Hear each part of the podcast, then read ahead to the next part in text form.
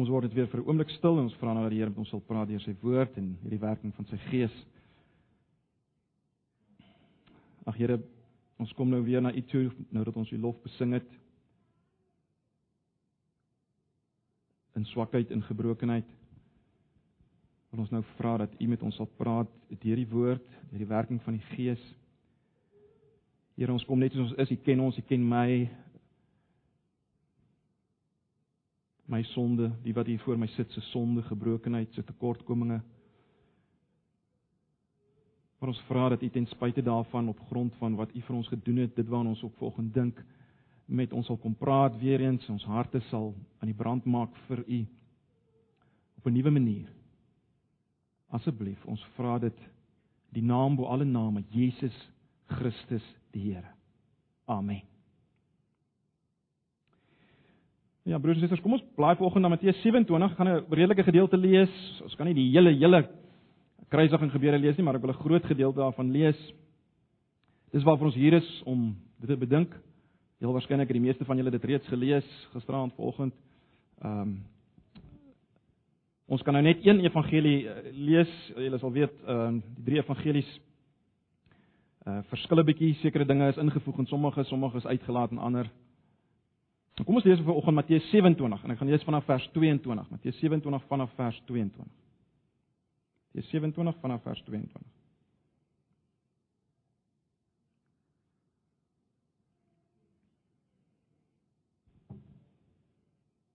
Matteus 27 vers 22. Pilate sê vir hulle: "Wat moet ek dan doen met Jesus wat Christus genoem word? Kruisig hom!" skreeu hulle almal. Hy vra: "Watter kwaad het hy dan gedoen?" Maar hulle skreeu nog harder: "Kruisig hom!" Toe Pilatus sien dit help niks nie en dat daar eerder 'n oproer kom, het hy water gevat en voor die skare sy hande gewas en gesê ek is onskuldig aan die bloed van hierdie man. Dis julle verantwoordelikheid. Toe antwoord die hele volk: Laat die skuld van sy bloed op ons en ons kinders kom of rus dan. Vers 26: Pilatus het Barabbas toe vir hulle losgelaat, maar Jesus het hy laat gesel en hom oorgelewer om gekruisig te word. Daarna vat die soldate van die goewerneur vir Jesus in die amptswoning in en bring die hele leerafdeling rondom hom bymekaar. Hulle trek toe sy klere uit en gooi hom 'n pers mantel om. Hulle vleg 'n doringkroon en sit dit op sy kop en gee hom 'n stok in sy regterhand. Toe bespot hulle hom deur vir hom te buig en te sê: "Ons groet die koning van die Jode." Hulle het op hom gespoeg en die stok gevat en hom oor die kop geslaan. Nadat hulle hom klaar bespot het, het hulle die mantel uitgetrek en weer sy eie klere vir hom aangetrek. Toe lei hulle hom weg om hom te kruisig. Toe hulle uitgaan, kry hulle 'n man van Sirene met die naam Simon en hulle het hom gekommandeer om Jesus se kruis te dra. Hulle kom toe by 'n plek wat Golgotha genoem word. Dit beteken kopbeen plek. Daar het hulle hom 'n mengsel van wyn en gal gegee om te drink, maar toe hy dit proe, wou hy dit nie drink nie. Hulle het hom gekruisig en sy klere verdeel deur te lood. Daarna het hulle gaan sit en by hom wag gehou. Boek aan sy kop het hulle 'n klag teen hom in skrif aangegee. Dit is Jesus, die koning van die Jode. Saam met hom het ook twee rowers uh, het hulle ook twee rowers gekruisig, een regs en een en 'n ander een links van hom. Die mense wat daar verbygeloop het, het Jesus gelaster. Hulle het die kop geskit en gesê: "Jy wat die tempel afbreek en in 3 dae opbou, red jouself as jy die seun van God is en kom af van die kruis af." Net so die priesterhoofde saam met die skrifgeleerdes en die familiehoofde ook gespot en gesê: "Ander het hy gered, maar homself kan hy nie red nie. Hy is mos die koning van Israel. Laat hy nou van die kruis afkom en ons sal in hom glo." Hy het op God vertrou, laat God hom nou red as hy dan behaan hom het. Hy het immers gesê hy is die seun van God. Op dieselfde manier het die rowers wat saam met hom gekruisig is, hom ook beledig. Van 12 uur af het daar duisternis oor die hele land gekom en dit het tot 3 uur geduur. Teen 3 uur het Jesus hard geroep: "Eli, Eli, lema sabachthani." Dit is my God, my God, waarom het U my verlaat? Party van die wat daar gestaan het, het gehoor en gesê hy roep vir Elia. Een van hulle hardloop toe gou, vat 'n spons en maak dit vol suurwyn en hou dit op 'n stok vir hom te drink. Maar die ander sê: "Wag, laat ons kyk of Eliam kom red." Jesus het weer hard uitgeroep en die laaste asem uitgeblaas.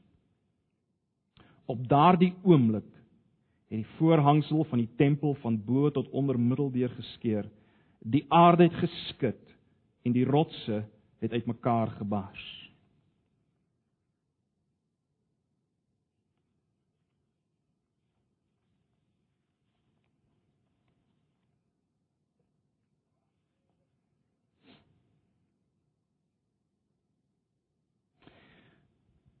Nou ja, ek dink ons almal weet dat vandag Goeie Vrydag genoem word. En as ons praat van Goeie Vrydag, dan dan sê ons eintlik vir mekaar dit wat gebeur het op daardie Vrydag 2000 jaar gelede is goed, nie waar nie? Nou ek dink ons dink waarskynlik nie meer regtig wat ons sê nie. Ons dink nie regtig wat ons sê nie. Ons sê die kruis, ons sê kruisiging is goed, was goed. Ons gaan natuurlik selfs verder en uh, ons sing liedjies van die kruis met temas soos daar's 'n dierbare kruis. En dan dra baie mense kruisies om hulle nek en hang dit op in hulle huise met 'n pragtige versies by die kruis. Nou broers en susters, ons het al mekaar gesê en ek sê dit weer. Vir mense wat 2000 jaar gelede geleef het, sou hierdie manier van praat en optree bitter vreemd gewees het. Dit sou so vreemd gewees het as wat dit vandag sou wees om te praat van die goeie dierbare elektriese stoel of die goeie dierbare uitbesmette naald. En om dit aan jou oor te hang en jou huis op te hang sou nog vreemder wees. Weird. Kruisiging is deur die Persiërs omtrent 500 voor Christus uitgevind. Dis vir volmaak in die tyd van Jesus en kom tot 'n einde onder onder Konstantin uh in die 4de eeu. In die dae van Jesus is die kruis gereserveer veral deur die Romeine vir absoluut die mees weersinwekkende kriminele. Selfs die Jode het kruisiging as die ergste dood denkbaar beskou. Luister net na Deuteronomium 21 uh vers 22 tot 23. En as iemand 'n son uh en as iemand 'n sonde wat die doodstraf verdien pleeg, het hy uh, moet hy gedood word en jy moet hom aan 'n paal ophang, dan mag sy lijk nie aan die paal oornag nie, maar jy moet hom sekerlik die dag nog begrawe want een wat opgehang is, is deur God vervloek. Dis hoe die Jode gekyk het na kruisiging.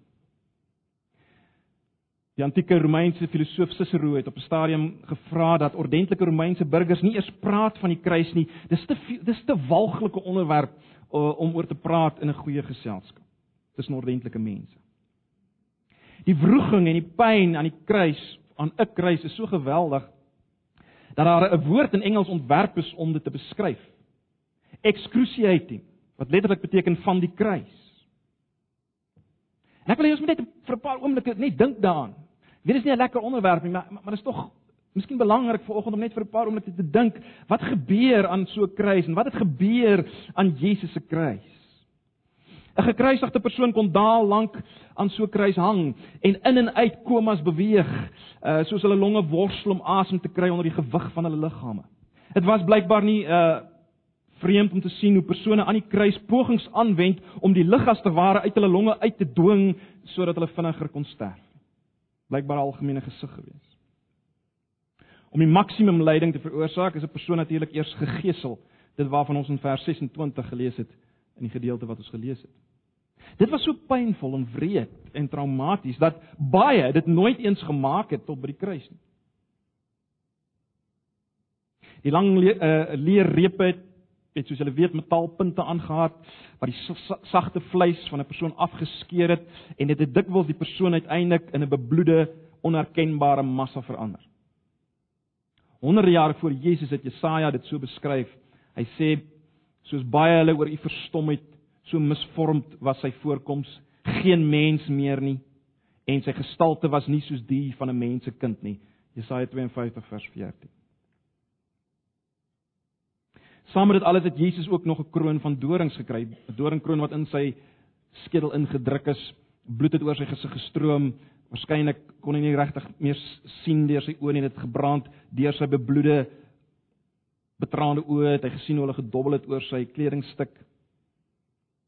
Hierna het Jesus geforseer om 'n dwarsbalk van min of meer 100 kg op sy kaal bebloede skouers te dra omdat hy so verswak was deur die slapelose nagte en die verstap en die gegeesel het hulle 'n sekere man Simon van Sirene gedwing om sy kruis te help dra. At op die plek van kruisiging gekom word waarop hom gespoeg en met hom gespot en alle aanduidings is daar dat hulle ook sy baard sou uitgetrek het. Dis natuurlik 'n 'n beeld van absolute disrespek. Uh, ons sien dit nie in hierdie gedeelte nie, maar in Jesaja 50 vers 6 is daar 'n goeie aanduiding dat hulle sy baard uitgetrek het voor hy gekruisig is. 'n Simbool van absolute disrespek. Vir Jesus die skrynwerker was die lang rowwe metaalspykers wat uiteindelik deur die mees sensitiewe dele, die dele van jou liggaam waar die meeste senuweepunte het, hande en voete geslaan is. Vir Jesus was dit nie 'n vreemde gesig hierdie staalspykers nie of metaalspykers. Hy's letterlik vasgespijker aan die kruis. Op hierdie punt was die pyn natuurlik ondraaglik geweest aan so 'n kruis. Dan is die kruis opgelig, gelig en ingeruk uh, geruk in 'n gat wat voorberei is. Verder bespotting het gevolg uh en daar's 'n teken bo Jesus se se kruis aangebring, Jesus van Nasaret, koning van die Jode. Gewoonlik op hierdie punt in die kruisiging sukkel die slagoffer geweldig om asem te haal. Naak en verleë probeer die slagoffer in 'n laaste poging om iets te doen, homself wreek op sy uh kruisigers deur hulle te beledig, op hulle te skree, selfs te spoeg. Sommige is natuurlik so oorweldig oor die pyn dat hulle geen beheer meer gehad het oor liggaamsfunksies nie. En daarom aan die voet van die kruis was dit om die minste te sê 'n gemors geweest. Broers en susters, Jesus se kruisiging was 'n walglike toneel. Jesaja 53 vers 3 en 4 sê dit so, hy was verag en deur mense verlaat, 'n man van smarte, bekend met krankheid, ja, soos een vir wie mense sy gelaat verberg, hy was verag en ons het hom nie geag nie. En dit het alles natuurlik in die openbaar gebeur. Openbloot vir almal. Net so terloops, uh vrouens is nie werklik gekruisig nie, feitelik nooit nie. Indien wel is hulle gekruisig met hulle kruise na uh, hulle gesigte na die kruis toe, uh want dit was net onbetaamlik om 'n vrou so te sien in sulke pyn en angs. As ek en jy daar was, sou ons die geur van die dood geruik het. Ons sou die doodsangs gevoel het. As ons na daai kruis gevat het, sou ons dalk 'n splinter in die vinger gekry het. Broers en susters, dit was werklikheid. Dit was werklikheid en dit was nie goed nie. Dit was werklikheid en dit was nie goed nie. En ons noem dit Goeie Vrydag. Dit lyk vir my meer na 'n slegte Vrydag, is dit nie? Ons noem dit Goeie Vrydag. En daarom moet ons volgens die vraag vra, is daar enige aanduiding Is daar enige aanduiding in hierdie gedeelte wat ons gelees het? As ons nou nie sou weet wat ons nou weet nie, is daar enige aanduiding hier dat dat daar iets goeds was, iets goeds gebeur het aan daardie kruis? Wel ek dink die antwoord lê in vers 51, né? Nee, laaste vers wat ons gelees het. Op daardie oomblik het die voorhangsel van die tempel van bo tot onder middeldeur geskeur Die aarde het geskit en die rotse het uitmekaar gebars. En al die weergawe van die kruisiging word daar genoem van die voorhangsel wat in twee geskeur het. Nou, daar's baie gedebatteer al oor watter voorhangsel word hiervan gepraat. Ek dink die meeste van ons het groot geword dat dit, dit praat van die voorhangsel tussen die uh heiligste en die allerheiligste om omrede die allerheiligste die plek is waar net eenmal een, een man eenmal 'n een jaar kon ingaan in die teenwoordigheid van God. Maar daar's 'n sterk saak uit te maak vir die feit dat dit die voorhangsel voor die heiligste was, aangesien dit simbolies baie meer krag sou gehad het, uh want die massas, as ek dit so kan stel, sou dit kon sien. Die feit dat die woord vir tempel hier die woord vir die vir die algemene tempel is, vir die tempel in sy wyeer betekenis bevestig nogal uh, die vermoede dat dit wel die voorhangsel voor die heiligste was wat geskeur het. Ek weet nie of ons besef watter wêreld van smart was gebind aan hierdie voorhangsel nie broers en susters. Uh argeoloë het het het opgrawings wat opgrawings gedoen het, het 'n kennisgewingborde gekry wat onrein is, nie Jode, mense wat aan siektes gely het, vrouens en kinders verbied het om hier in te gaan. In kort kan ons sê dit wat gesien is as die woonplek van God op daardie stadium. Die plek waar God gekry kan word was geslote. Dat, dat twee woorde as te ware is as te ware uitgespel deur hierdie gordyn. Geen toegang. Die toegang tot God was geslote vir die wêreld. Dis wat daar gestaan het deur die gordyn. En vir eeue het die gordyn daar gehang. Revolusies het gekom, revolusies het gegaan, maar die gordyn het gebly. Dit het gebly en so mate dat mense maar later aanvaar het dit sal vir altyd daar bly. Dit hoort so. En agter daai gordyn het Jesus se moordenaars gesit en gebid en God geprys. Vreeslik, dan moes iets gebeur, né? Nee. En toe gebeur dit. Op 'n Vrydag, meer as 2000 jaar gelede het dit gebeur. Skaars het Jesus sy asem uitgeblaas of God verkondig aan die wêreld dat Jesus regverdiglik die tempel kan wyd oopmaak. Hy het by wyse van Spreuke het God in 'n warrelwind ingekom en in die priesters eenkant toe geveeg en die en die gordyn van bo tot onder oopgepluk. En hy verklaar, hy getuig daarmee dat die werk van sy seun was perfek, die toegang tot God is oop. Wat gaan hier aan op 'n dieper vlak? Julle sal nou weet uit ons studies uh uit Johannes en uit Hebreërs weet ons dit. Julle sal weet dat Jesus van homself praat as God se tempel. Dink maar Johannes 2. Julle sal weet dat Kolossense 1 vers 19 en Kolossense 2 vers 9 maak dit baie duidelik. In hom, in Jesus, ons het gesing vanoggend daarvan. In hom woon die volheid van die godheid liggaamlik. In hom woon die volheid van die godheid liggaamlik. Met ander woorde, God self het as te ware, as jy wil, geskuil agter die liggaam van Jesus, die menslike liggaam van Jesus. God het in hom gewoon, maar mense het dit natuurlik nie gesien nie. Dit dit werklik geweet nie, veral nie die wêreld daar buite nie die massas. Mens sou kon sê die die ongebreekte liggaam van Christus was as te ware die ding wat God verberg het.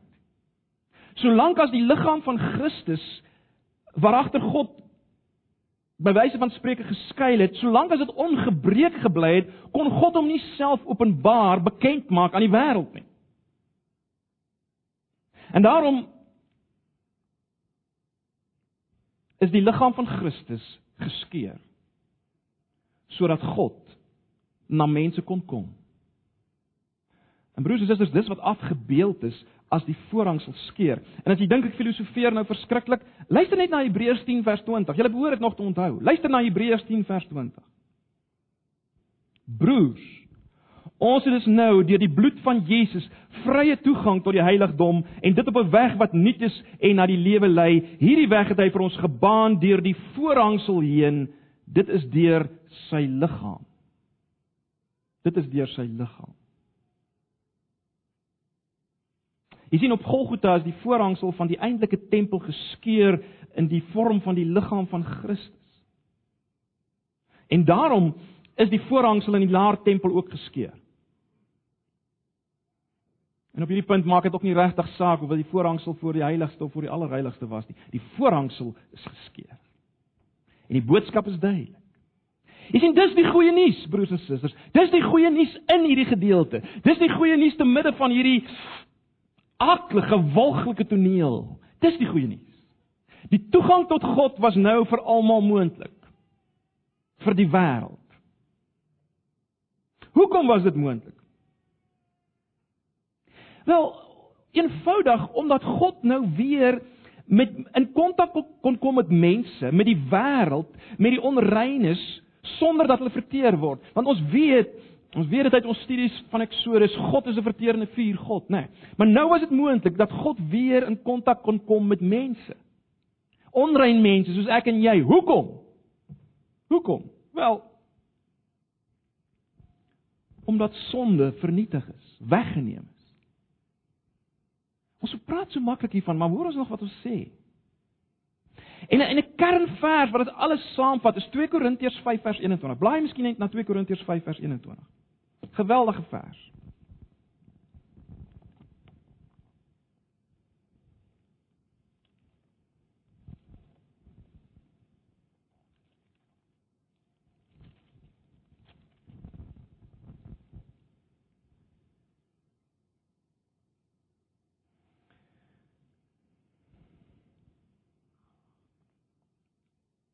Ek gaan dit in beide vertalings lees. Die 83 vertaling klink so, vers 21 van 2 Korintiërs 5. Christus vers 21 van 2 Korintiërs 5. Christus was sonder sonde, maar God het hom in ons plek as sondaar behandel sodat ons deur ons eenheid met Christus deur God vrygespreek kan wees. Dis die 83 vertaling. Die meer letterlike vertaling klink so: Want hy, dis God, het hom, dis Jesus, wat geen sonde geken het nie, sonde vir ons gemaak sodat ons kan word geregtigheid van God in hom. Die 2015 uh, vertaling, die nuwe vertaling, Afrikaanse vertaling vertaal dit uh, want God het hom wat geen sonde geken het nie sonde gemaak sodat ons met Christus se geregtigheid voor God kan staan. En ek dink dis dis wat die gedeelte wil sê. Wat 'n geweldige vers. God het hom wat geen sonde geken het nie, sonde gemaak in daardie oomblik aan die kruis, hierdie walglike oomblik aan die kruis. As God na Jesus kyk, dan sien hy sonde. Hy sien my en jou. Hy sien liefdeloosheid teenoor God en liefdeloosheid teenoor mense. Hy sien al die valsheid waarvan ons verlede Sondag gepraat het. Hy sien al die onreinheid. Hy sien al die selfgerigtheid, selfgeregtigheid. Hy sien dit in sy seun, in God die seun. En dan stort hy sy oordeel uit, sy verterende vuur woede, sy verbondswraak. Stort hy uit op God die seun.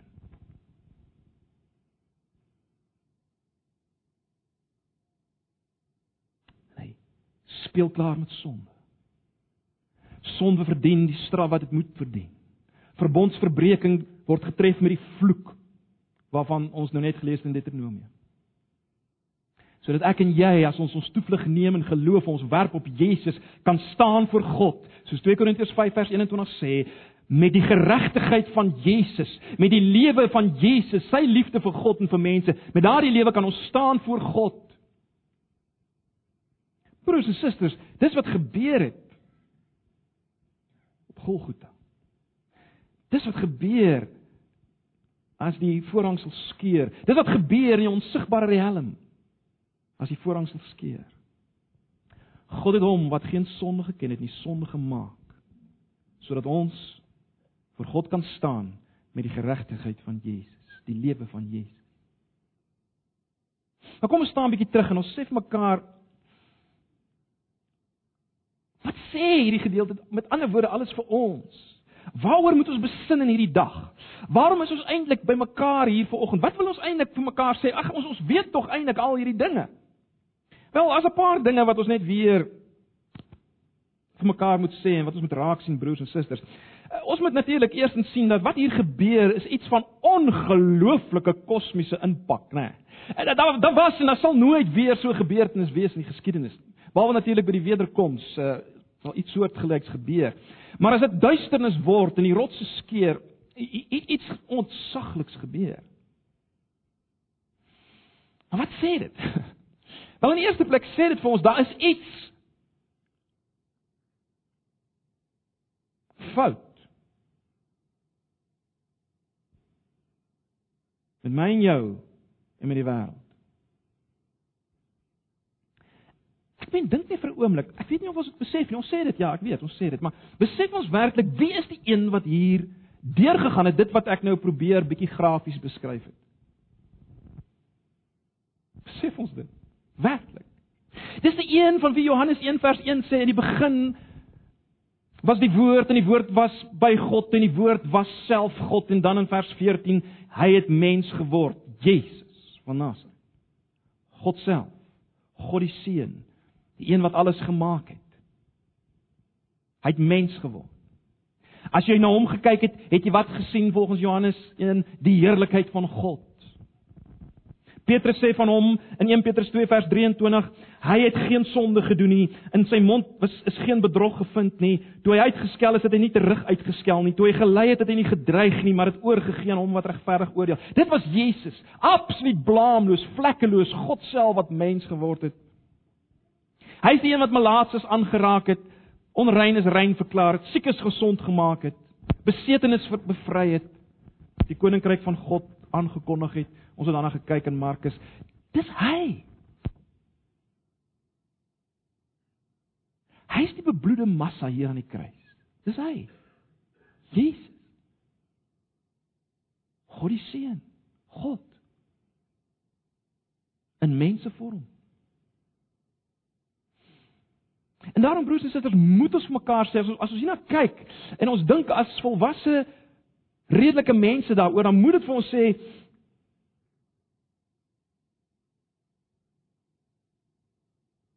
Daar's iets wat nie goed is nie. Daar's iets wat nie reg is nie. Nee, ek meen dis nie logies. Jy, jy hoef nie veel daaroor te dink nie. As God self dit deurgegaan het, moes deurgaan.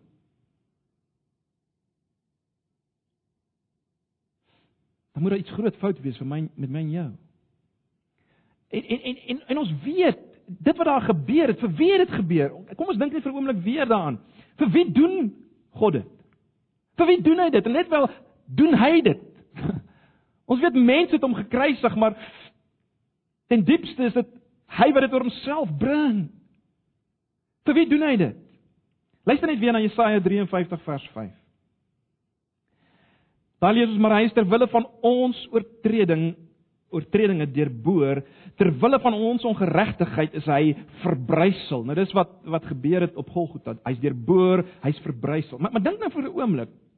As hier staan maar hy ter wille van ons oortredinge deurboor, ter wille van ons ongeregtighede verbrysel. Van wie praat dit in die eerste plek? Dit praat natuurlik in die eerste plek van die van die Jode. Die ouens wat gesê het, kruisig hom, kruisig hom. En alhoewel dit nie in in Matteus se weergawe so duidelik is nie, in, in Lukas en in die ander is dit baie duidelik. Hulle het geskree, Barabbas, Barabbas, Barabbas. Laat hom vry. Ons wil hê Barabbas moet vrykom. Jesus moet gekruisig word. Dis vir hulle. Dis vir hulle dat hy deur deurboor is, verbrysel is. En nou natuurlik vir elkeen van ons.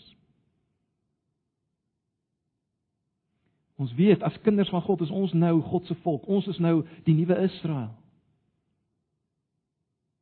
En broers en susters, ons moenie vir 'n oomblik dink ons skuld en ons sondes is is minder as die skare sin wat geskree geskree kruisig hom kruisig hom nie. Wat doen ek en jy dikwels daagliks? As ons ander belange en dinge kies bo Jesus en sy eer en alles wat ons doen en sê en dink en eh, plekke wat ons besoek, manier hoe ons praat. Wat sê ons? Barabbas, Barabbas, Barabbas, kruisig Jesus, kruisig hom. Is dit nie wat ons sê nie? Die ongelooflike hier is terwyl van ons, terwyl van sulkes, is hy deur verbrysel. Broers en susters, goeie Vrydag moet ons laat besef in die eerste in die eerste plek, daar's nie min fout met ons nie. Dis nie maar net klein regstellingkies aan ons persoonlikheidjies wat moet gemaak word nie. Uh klein foutjies, klein probleempies wat reggestel word, ag wat oorgesien kan word en met 'n bietjie bietjie meer opvoeding kan ons nee.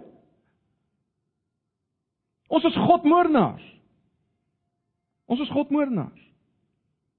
Dis wat ons is.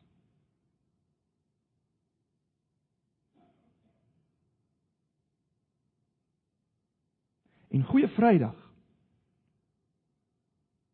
Was syn dit uit? Dis wie ons is. Maar dit basyn natuurlik nog harder uit. Wie is God? en die oorweldigende ding, broers en susters, en ons moet dit volgende weer sien. Wat is die oorweldigende ding wat uitbesyn word? God is liefde. Onverstaanbare liefde. Want hoe op aarde kan hy die lief hê wat hom nie wil hê in hulle lewens nie? Alles gemaak vir hom. Elke asemteug is bedoel om te spandeer om hom te verheerlik en groot te maak en hulle verwerp hom. Uiteindelik kruisig hulle hom, maar hy doen dit vir hulle. Hy wil mense herstel, red, nuut maak, lewe gee. Hy's getrou aan aan homself as absolute liefde, maar natuurlik terselfdertyd in dieselfde oomblik is hy absoluut regverdigheid en daarom kan hy nie maar net sonde onder die tafel vee en sê dis oukei, okay, ek weet jy sal nog regkom nie. Nee, hy moet iets doen en hy doen dit. Hy doen dit aan homself. Hy bring homself onder die oordeel vir sonde. Dit wat ons sien aan die kruis. En jy dink is erg wat aan die kruis gebeur het? Wel, dis hoe erg sonde is en meer nog. Want uiteindelik, dit wat fisies gebeur het met Jesus is niks teenoor die oordeel van God wat hy in die gesig gestaar het nie.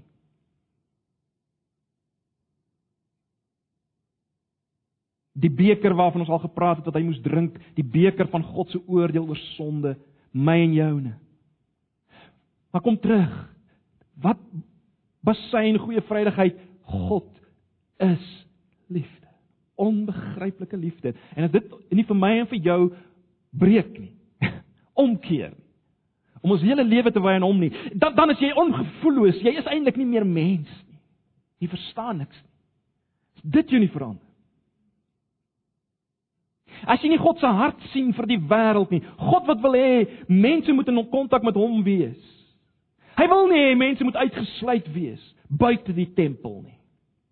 Hy nooi mense om te kom in kontak met hom te wees. Dis wat hy sê deur Goeie Vrydag se gebeure. So dit is belangrik dat ons dit sal raak sien hier. Goeie Vrydag sê iets oor ons en ons toestand. Goeie Vrydag sê iets oor God. Goeie Vrydag sê natuurlik ook vir ons wat is die lewe bedoel om te wees? Waarvoor is ons hier? En die antwoord is duidelik, is dit nie? Om in kontak met God te wees. God wil in ons midde wees soos hy in die tuin met mense was en kontak was. Dis sy bedoeling. Dit was van die begin af sy bedoeling. Hy wil in gemeenskap wees met mense. Dis waaroor die lewe gaan. En as jou lewe nie daaroor gaan nie, Weet nie wat jou is wat jou gedagtes vul, die Here, sy dinge, gemeenskap met hom, hoe ek hom kan grootmaak. Wel, jy lewe nie. Jy is nie besig met lewe waarvoor wat God bedoel het.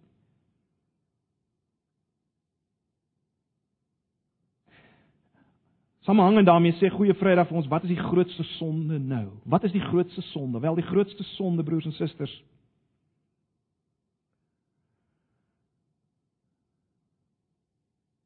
Dis nie om te lieg en te steel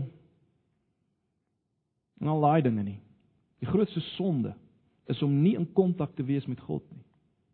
Die grootste sonde is om nie lief te wees vir Jesus nie. En hoe wys ons dat ons nie lief is vir hom nie? Hoe wys ons dat nie, ons nie in kontak is met hom nie? Wel, as die wêreld vir ons belangriker is. Ons tyd, ons aandag, ons energie, ons emosies is daar en is nie by die Here nie. En hoe ons hom in die wêreld kan grootmaak. Ja, ons moenie uit die wêreld geneem word, maar in die wêreld. Dan sê dit wel ek is nie lief vir hom nie. Ek is nie in kontak met hom nie. En dis wat sonde ten diepste is, is dit nie? En in die lig van die kruis, broers en susters, in die lig van die kruis word sonde natuurlik ontsaglik as jy daaraan dink. En daarom sonde kan nooit ligtelik wees vir 'n Christen nie. Dis ontsaglik want ek sondig in die lig van die kruis. In die lig van die kruis. So dis 'n volgende ding wat Goeie Vrydag vir ons sê. Wat is sonde? Sê ons wie's God? Dit sê ons wat iets wat is die lewe? Dit sê dit sê vir ons wat is sonde? Maar dit sê ook vir ons natuurlik broers en susters dat God weet alles van pyn en hartseer en oënskynlike Godverlatenheid. Ag en ek het al baie daaroor gepraat, maar ek sê dit maar weer. Die kruis wys vir ons, hy verstaan, hy weet, hy ken my swaarkry, hy ken my pyn. Hy weet wat dit is. Hy het dit deurgegaan en hy het juis gekom om uiteindelik 'n bevryding daarvan te gee. Die oorwinning is daar behaal. Saam met die opstanding waar ons Sondag natuurlik sal praat. Maar hy sal uiteindelik alle trane afvee. En ons sal so seker soos ons hier sit op hierdie stoele, sal ons nuwe liggame kry saam met God op 'n nuwe aarde. Dis wanneer toe alles op pad is, broers en susters. Dis 'n werklikheid. En wat gebeur het op Golgotha? Het dit in beginsel klaar in plek gestel. En daarom kan ons weet hy weet, hy verstaan. En hy het iets aan gedoen. Aan jou hartseer, jou swaarkry, jou pyn, jou siekte. Ek wil net daarop uitbrei, maar kom ons vat dit volgende en dink daaroor. Ek maak klaar. Die logiese vraag natuurlik vir oggend vir ons elkeen is maar net weer dit. Kan ek al sê dat daardie aardige Vrydag 'n goeie dag was vir my in my lewe? Dis die groot vraag natuurlik vanoggend weer eens. Kan ek dit al regtig sê? Beleef ek die goedheid van daardie Vrydag in die feit dat God nie meer vir my verborge is nie? Jy sal weet voor 'n mens wil bekering kom is God ver. Is vir onwerklik. Jy lees die woord en daar's niks nie. Jy het geen gevoel vir. Maar dit verander alles. En, die vraag is is dit waar van my? Is dit nou nog waar van my? Vergeet of jy 20, 30 jaar gelede jou hart sogenaamd vir die Here gegee het. Die vraag is is jy nou in kontak met God? Dis die vraag. Beleef jy nou goeie Vrydag in jou gemeenskap met God wat nie meer verborge is vir jou nie? Is jy in kontak met hom? Dieselfde Hebreërs 10 ons het vers 21 gelees net nou sê as te ware dit as sy sy liggaam die voorhangsel geskeur het, laat ons dan nou toetree. Laat ons dan nou ingaan. Laat ons dan nou gemeenskap hê met God. As hy dit vir ons gedoen het. Ag, en broers en susters, wat die Here wil hê vir ons. En dit is baie duidelik, is dit nie? Hy wil hê dat ons elke dag, elke uur, elke oomblik, in die klein dingetjies en in die groot dinge, moet leef in die lig van die geskeurde voorhangsel. En dit verander alles, is dit nie? As ek weet maar God is by my. Ek is versoen met hom. Hy's my Vader. Hy's nie meer ver nie, hy's nie verborge nie, hy's nie net verseker is nie, hy's vir my. Maak nie saak of ek 'n kind is of ek 'n groot mens is of 'n man of 'n vrou en of ek sieklik is en of ek lelik is, maak nie saak. Hy's vir my. Ek kan in kontak wees met hom. Ag broers en susters, my gebed is dat dat dit weer eens maar net die boodskap van Goeie Vrydag vir ons sal wees. Mag die Here ons help om te vat. My gebed is dat elke een van ons wat hier sit, dit 'n werklikheid sal word in jou lewe. Te midde van al jou swakheid en al jou gebrokenheid. Dis ons enigste hoop. Dis dit wat God gedoen het in Jesus. En hy sê kom. Kom. Die voorhangsel is geskeur. As ons nou die nagmaal gebruik, wie kan dit gebruik? Wel die wat al gekom het. Die wat weet hulle is afhanklik van hom en hom alleen om hulle te red. Hulle is afhanklik van dit wat hy gedoen het op Golgotha. Kom en gebruik die nagmaal, maar gebruik dit juis om jou te versterk want ek weet, broers en susters, soos ek hier voor julle staan, sukkel en worstel ek net soos julle om dit te vat. Om te glo, te leef in die lig daarvan, te weet dis werklik. En dis waarvoor die Here die teken gee. Hy het geweet ons gaan sukkel. En hy sê hier is, dis my liggaam, dis my bloed. Proe dit, eet dit, drink dit en weet dis vir jou. Jy wat jouself op my gewerp het. As jy twyfel, weet dit. En daarom wil ek hê jy moet dit so gebruik vanoggend. Gebruik dit as versterking van jou geloof op hierdie aaklige maar terselfdertyd wonderlike dag. Kom ons bid saam en dan gaan ek vra dat uh, die tafel net voorberei word. Here Jesus, baie baie dankie vir u self en vir u woord. Dankie vir u self. Dankie Here Jesus vir dit wat u vir ons gedoen het. En al wat ons in die oggend wil sê is vergewe ons. Vergewe ons dat ons steeds selfs ons wat u kinders is, ons wat weet dat u in ons lewens ingegryp het, dat ons steeds soveel keer as te ware die rug draai op u. En dit wat ons sê, doen, dink ons prioriteite ons emosies, ons gesindhede. Ag Here, ek bely dit. En ons as gemeente wil dit bely. Ek wil vra dat U ons sal vergewe. En ons wil nou vra dat U ons sal versterk deur die teken. Asseblief. Ons vra dit in Jesus se naam. Amen. Andries sal iemand net vir Andries se kraaltjie kan help. Hoe daar is julle?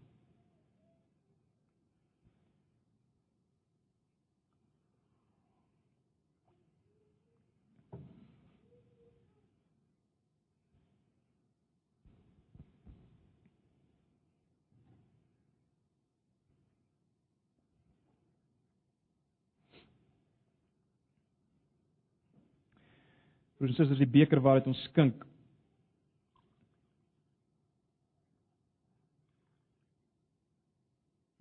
Herinner ons aan die bloed van Jesus, die bloed van die nuwe verbond. Die bloed wat hy gestort het op daardie aaklige Vrydag. Sodat dit vir ons 'n wonderlike dag kan word. Ons kan weet ons hoef nie onder die oordeel van God deur te gaan nie. Ons bloed hoef nie te vloei vir ons sonde nie. Dit het klaar gevloei. Syne in my plek vir my oortredinge. Vir my verwerping van hom. Vir my liefdeloosheid, vir my valsheid. Ah, noem maar op. Kom ons drink dit. Kom ons dink daaraan sy bloed vir my gevloei het. Die bloed van die nuwe verbond. En as ons praat van verbond, weet ons waarvan ons praat. Ons praat van verhouding, ons praat van gemeenskap. Hy wil in 'n verbondsverhouding met ons wees en dis die beker van die nuwe verbond. Die brood wat ons breek, herinner ons natuurlik aan die liggaam van Christus wat gebreek is. En ons het gesien, die liggaam is gebreek.